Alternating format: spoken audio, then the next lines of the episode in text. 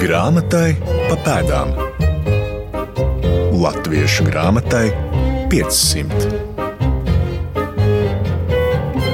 Viduslaiku manuskripts Rīgas misāla ir grāmata ar kultūra vēsturisku nozīmi, Rīgas pilsētas un Livonijas garīgās kultūras relikvija, lietota 15. gadsimta otrajā pusē baznīcas vajadzībām, tajā lūkšanu liturģiskie teksti un notis.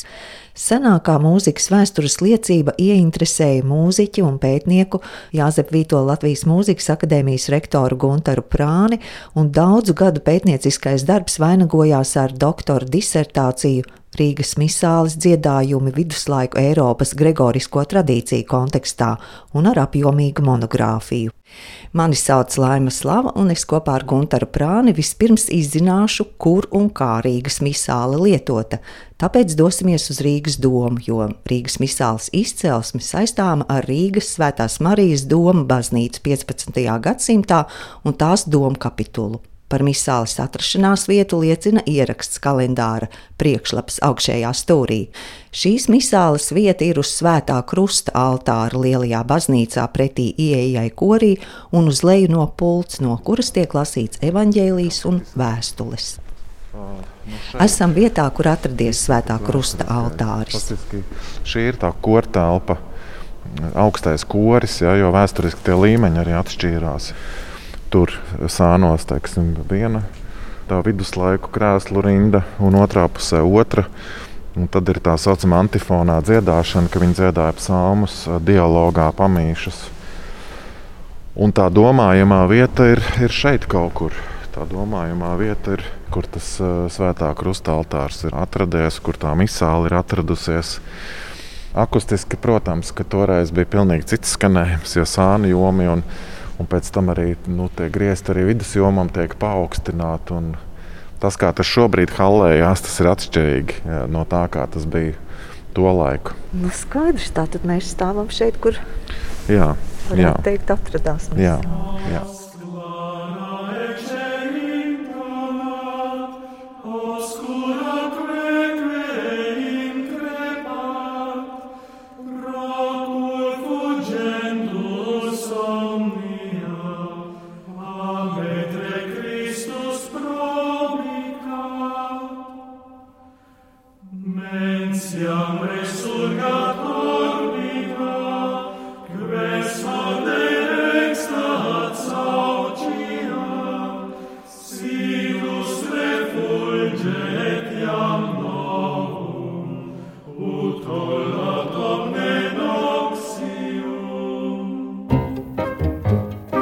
Artefakta gaismā. Sarunai par Rīgas misāli izvēlamies Rīgas doma kapitulu zāli. Tā ir vēsturiska telpa, kas saglabājusies no viduslaikiem. Tolaik to sauca par visu dvēseli kapeli, kur domkungi pulcējās uz mazākām lūkšanām un sanākšanām. Īsti piemērota vieta sarunai par Rīgas misāli, kuru Guntars Prānis pētījis. Bet kā notikusi sastapšanās? Jā, nu, mūziķim reflektējot par to, ko viņš dara, no kurienes viņš nāk, kādas ir vēsturiskās kopsakarības, es domāju, diezgan loģiski ir tā, ka viņš vienā brīdī sāk rakt un meklēt.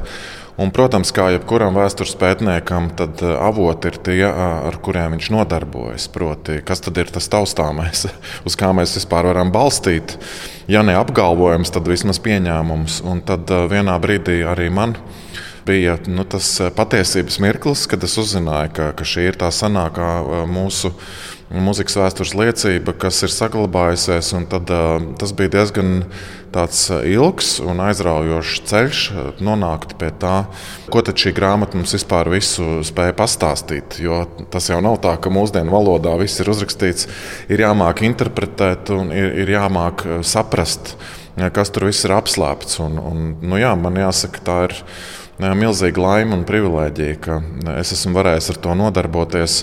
Līdz pat tam, ka šo materiālu, kas Rīgas misālē ir sastopams, var novest līdz skanošam fenomenam. To var klausīties un piedzīvot šodien. Tā ir vistiešākā saikne ar viduslaikiem. Mazliet raksturojiet, kāda izskatās. Es vēl neesmu redzējis, tūlīt, tūlīt var teikt, ieraudzījuši, bet tomēr kāda tā izskatās. Jā, tā, tā, tā, tas ir tā saucamais kodeks vai viduslaiku manuskripts Ozolkoka vākos. ar ādas slapām, folio, kā to sauc latviešu valodā, tuvu A3 formātam. Tāda bieza, smaga grāmata kurā mēs varam atrast iekšā visu baznīcas gada ciklu, kā to viduslaiku garīdznieks ir lietojis šajā gadījumā šeit, Rīgas katedrālē. Un blakus visiem liturģiskiem tekstiem, lūkšanas tekstiem ir arī saglabājušās notis. To nav ļoti daudz. Tā tad ir piecu dziedājumu pilns nošu pieraksts tā laika nošu pieraksts, protams, nevis mūsdienu notis. Un tad ir tā saucamās 83 marginālijas, kas ir arī ārkārtīgi interesants fenomens. Precīzāk, muzikālās marginālijas tas nozīmē, ka šī grāmata ilgāku laiku atradās apritē Un kā jau tas nereti mēdz notikt, nu, lai kaut kādas sīkumas neaizmirst, kaut kas tiek pierakstīts uz lapušu malām, un tā tad 83 eh, nošu intonācijas ir atrodamas. Divi, trīs, eh, atsevišķos gadījumos pieci vārdi ar notīm eh, kas faktiski nozīmē to, ka tas bija atgādinājums tam, kas šajā vietā būtu jādzied, bet tas nozīmē to, ka mutvāra tradīcija vēl bija tā galvenā. Jo viduslaiku eh, cilvēks dziedāja, kā mēs latviešu sakām, no galvas vai latīniski ekskorde, tātad eh, vairāk no sirds. Un tas, protams, ir labs jautājums, kur cilvēkā mājo mūzika, vai tā ir galva vai tā ir sirds manuprāt, noteikti piedalās abi. Ja, bet eh, tā tēlēni izsakoties, tā tad eh, tolaik cilvēki zināja pēc atmiņas, kas ir jādzied. Un šīs marginālijas nozīmē to tikai, ka to pašu sākumu parādīt, un tālāk jau viņš zināja, kā tas viss darbojās. Tā ir tāda dzīva praksa, dzīves process, kur tas pierakstītājs ir nu, kā tāds palīgs tikai. Atcerēties, kā precīzi tur tam visam bija jābūt.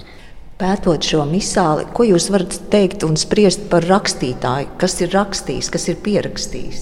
Jāsaka, ka pilnīgi noteikti misāli ir izgatavojuši un rakstījuši vairāki cilvēki. Tā, tā ir arī grupas dinamika.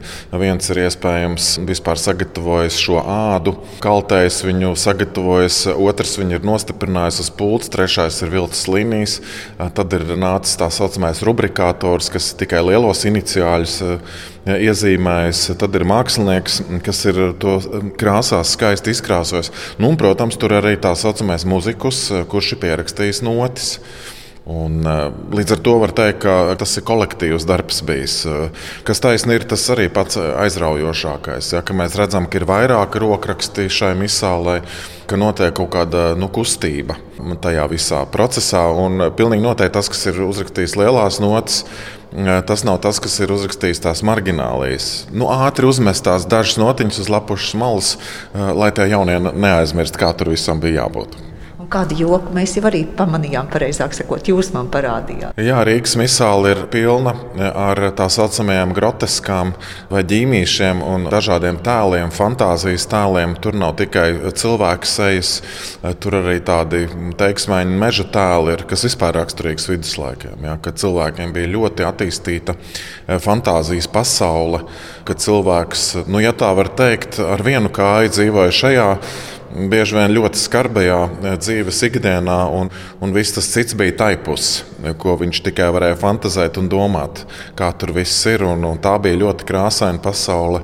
pilna ar dažādiem tēliem, kurā cilvēks bieži vien arī patvērās. Tagad uzbūriet to ainu, kas lietoja šo misāli un kā tas notika. To mēs arī varam rekonstruēt. Tur ir eh, īstenībā vairākas versijas, bet nu, ir skaidrs, ka tie bija paši domkungi, ka tur bija arī eh, tā saucamais kantors.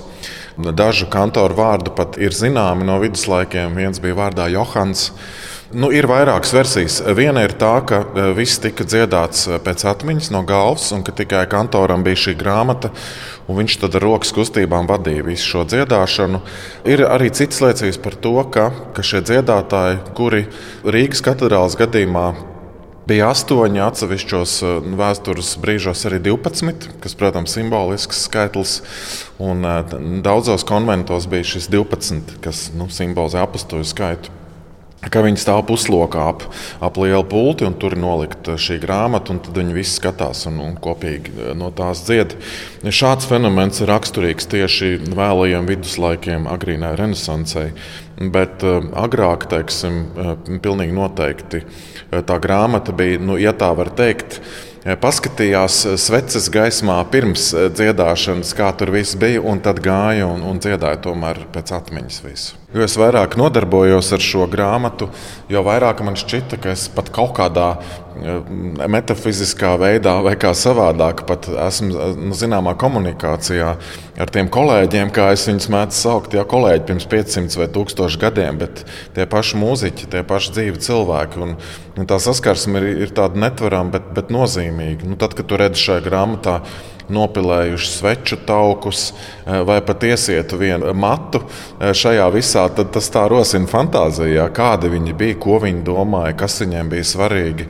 Un, eh, jā, tā grāmata, tas ir, tas, protams, neatsverami turēt viņu savā rokās un, protams, baltos cimdos, bet tomēr pārlapot. Piemēram, redzēt, cik rūpīgi viņi apgājās ar materiālu, kas ir āda kad vairākās vietās, kur ir plīsumi, tas ir sadiegts un sašūts, ja tā var teikt. Ja? Tas nav tā kā šodien saburzījās, izmet ārā un nokopē nākošo. Ja? Bet toreiz šī grāmata bija vienīgā tos 30, 40 gadus, un par viņu ļoti rūpējās. Ja? Grāmatai pa pēdām. Dodos uz bibliotēku, lai pati savām acīm skatītu Rīgas misāli, kas kopš 18. gadsimta dokumentēta Rīgas pilsētas bibliotēkā. Tagad glabājas Latvijas Universitātes akadēmiskās bibliotēkas rokrakstu un reto grāmatu nodaļā. Nodaļas vadītāja Aija Taimiņa uz galda nolikusi pamatīgu manuskriptu ādas vākos Rīgas misāli. Unikalitāte vienmēr ir bijusi profesionāļu aprindās saprasta Tie nav jauni atklājumi, un tās nav nejaušības.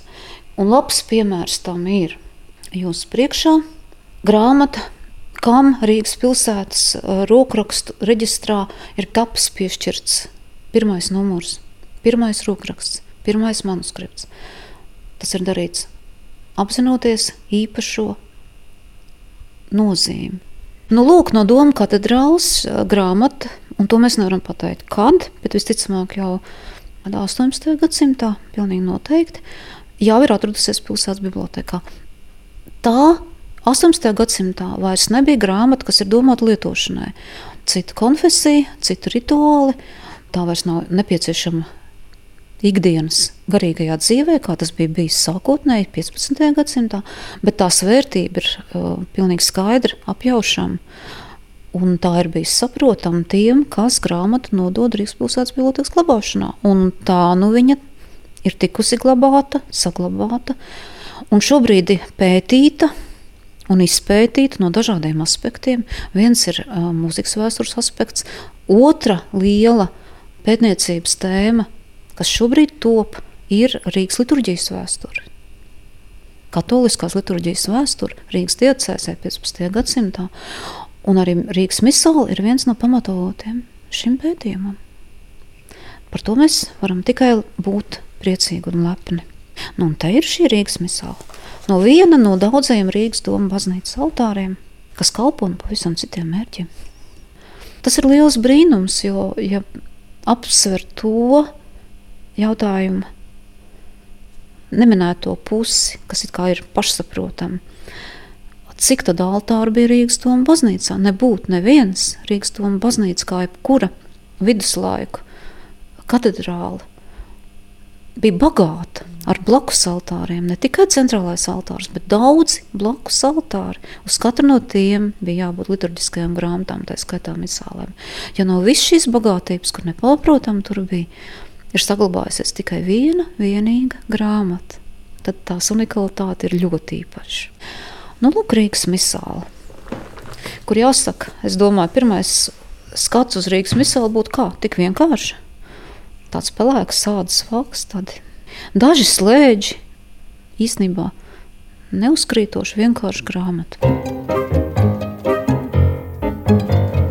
Svarīgā grāmatzīme.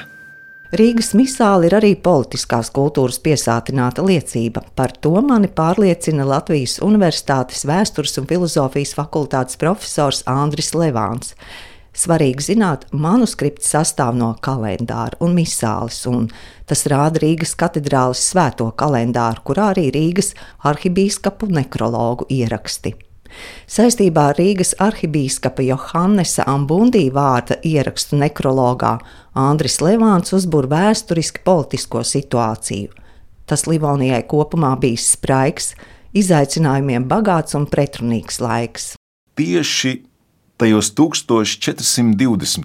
23. un 24. gads aizsāks tas, kad Rīgas doma kapitulam un arī arhibīskapam izdevās lēnām un pamazītiņām atbrīvoties no tā, es teiktu tā, ļoti ciešā vācu ordeņa Livonijā tvēriena. Tas tvēriens izpaudās tādējādi, ka Rīgas domkapituls bija integrēts vācu ordeņa sastāvā, tad tikai Vācu ordeņa garīgie brāļi varēja kļūt, drīkstēja kļūt par Rīgas domkungiem.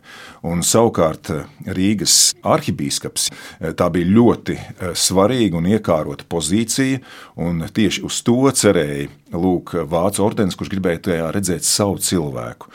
Un ar Johannesam Bundī notika, varētu teikt, tāds politisks pārpratums, jo Johannesam Bundī nebūtu nebija tas, kandidāts, kuru Vācu ordenis būtu gribējis redzēt šajā vietā. Bet nu, bija noticis tā, kā bija noticis. Abu pušu starpā bija dažādas ļoti smalkas un diplomātiskas pārunas, ka abi ieturēs pieklājīgu distanci viens iepratīja otram.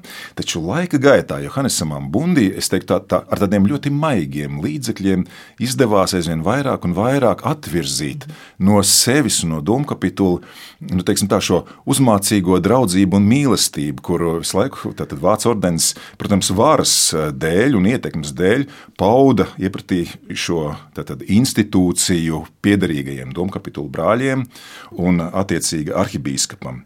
Un šī neatkarība, kuru izdevās atjaunot un izveidot tieši Johannesam Bundī laikā, bija acīm redzot tas iemesls, kāpēc vēlāk Johannesam Bundī tiek veltīts šis piemiņas ieraksts. Tātad viņš bija svarīgs lūk šīs atkal atjaunotās un atjaunojamās un stiprināmās korporatīvās un es teiktu arī institucionālās identitātes atjaunošanā, kas bija tik ļoti svarīga Rīgas eh, domu kapitulam un eh, Rīgas arhibīskapam. Nu, manuprāt, tas ir tiešām vairāk kā simts gadu garumā ļoti interesants, intensīvs laiks, kur nebūtu nav tā, kurš kuru uzvarēs. Nu, tā neatgriezeniski, nu, piemēram, kad Vācu ordenis pārstātu būt eh, klāt visos Livonijas notikumos, un ka, kā bieži vien jau runājam, mums vajadzētu to Vācu ordeni vispār patriekt no Livonijas. Tā politiskajā retorikā šādas eh, balsis un šādi formulējumi pat arī izskanēja. Taču visi zināja, tā ir tikai spēle, jo Vācu ordenis bija nepieciešams. Kaut vai tāpēc, ka tīri retoriski Vācu ordenis ar vienu uzsvēru, nu mēs esam kā vairoks, kā Livonijas sargs kas vienīgais var militāro aizsardzību nodrošināt.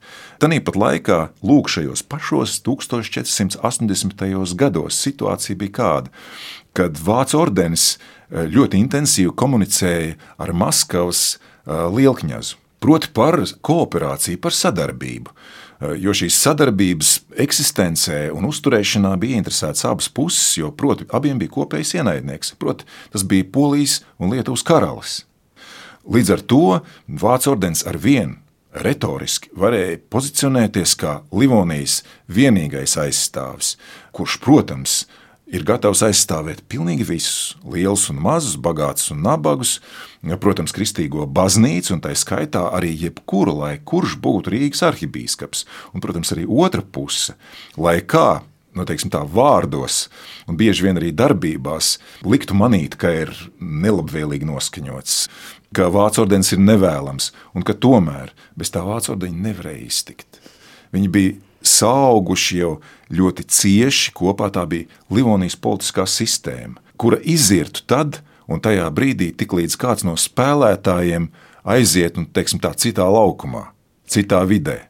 Tā tad var to nozīmīgumu arī uzsvērt tā, ka Rīgas misāli ir ne tikai senā mūzikas liecība un arī reliģijas vēstures liecība, bet tā ir arī politiska liecība. Jebkurā gadījumā, jo būsim godīgi, un arī atklāti pret tām liecībām, kuras laiks mums ir ļāvis šodien ieraudzīt un eh, būt arī teiksim, pieskāriena attālumā līdz šīm lietām, tad visas šīs tekstuālās priekšmetiskās liecības rada sociālas attiecības. tas ir sociāla attiecību rezultāts. Un arī šis teksts, liturģiska grāmata, ir šādu attiecību, varētu teikt, kondensāts kas ir atstājis vai saglabājis sevī laika nospiedumus un parāda visas tās turbulences un tās eh, emocijas, kuras eh, ir cilvēkus pavadījušas, nodarbinājušas, un eh, arī to viņu dzīves izjūtu, kas viņus ir pavadījusi vai kas ir radusies lūk, šajās ļoti sarežģītajās, pretrunīgajās, emociju uzlādētajās attiecībās. Un līdz ar to mēs varētu teikt, ka Rīgas misāle ir arī lūk, šīs politiskās kultūras dokuments. Atgriežos pie sarunas ar Gunteru Prāni. Kādas paralēlas mēs varam vilkt eh, arī ar citām Livānijas un Eiropas pilsētām, kur arī ir šīs misāles, un ar ko šī varbūt ir atšķirīga vai nav atšķirīga? Mana pētījuma ietvaros, tātad, kas rezultējās arī disertācijā un vēlāk monogrāfijā, es, es tieši tam esmu pievērsies. Nu, nevar taču tā būt, ka Rīgā bija identisks viss tam, kā piemēram Romā. Bet tāpat nevar taču būt, ka pilnīgi viss bija atšķirīgs. Un, un tieši tas ir tas interesantais, ka tās lielās lietas, lielās līnijas, arī konkrēti dziedājumi, teksti, melodijas eh, Eiropā sakrīt nu, kā jau Romas katoļu baznīcā, ir šis princips, ka liturģija ir visiem vienota. Bet tas aizraujošais ir tas, ka Rīgā var atrast vairākas ļoti zīmīgas lokālas īpatnības, kas saistās tieši ar, ar dziedāšanu, ar dziedāšanas ritmu, ar melodijas īpatnībām. Un, ja mēs vēlkam to nākošo loku, tad zināmas līdzības ir arī reģionāli. Un man bija tā iespēja īpaši salīdzināt ar Hamburgas vairākiem manuskriptiem, kuras konstatēja, ka lokāli daudz kas sakrīt ar Rīgu. Un, un vēsturiski mēs jau arī zinām, ka Rīga un Rīgas katedrāle un, un domkungi eh, ceļoja, ceļoja uz Libeku, Brēmeni, Hamburgu, eh, arī ar Lundu man bija iespēja salīdzināt, un, un tur ir kopīgas lietas. Tātad mēs varam teikt, ka tas ir tāds nu, ļoti daudzdimensionāls process, kas notika ar mūzikas kultūru, ar, ar dziedāšanu viduslaikos, ka tās, nu, tās lielās, tās būtiskās lietas sakrīt, bet tieši niansēs. Un es domāju, tas saistās noteikti arī ar interpretāciju, pat ar mentalitāti, tādu mūzikas izjūtu, ka tur bija arī zināma brīvība, iespējama, pat zināma spontanitāte. Arī tas pieraksts, nereti var tikt traktēts kā tā viena no daudzajām reizēm. Un, un tās citas reizes, kas nav pierakstītas, varēja būt atšķirīgas. Var sakot, ļoti plašs un neierobežots lauks eh, domāt un interpretēt. Un, ja domā par to, ko mēs ar to varam darīt šodien, tad man jāsaka arī klausītājiem, eh, potenciālajai audiencei, tas kļūst uzreiz nu, kaut kas ļoti dzīves. Gunārs Prānis ir grupas skola kantoruma Rīga mākslinieckais vadītājs un piebilst, ka vēlajos viduslaikos dziedājumam pievienojās arī instrumenti. Tā raidījumu noslēdzam ar Lundas dziedājumu no jaunākā albuma Vox Klāra. Rīgas misāle nav tikai manuskripts, kas glabājas reto grāmatu plauktā, tā atdzīvojas skanot viduslaiku mūzikai, un gregoriskie dziedājumu pieraksti atrodami Latvijas vēsturē tik nozīmīgajā grāmatā Rīgas misāle.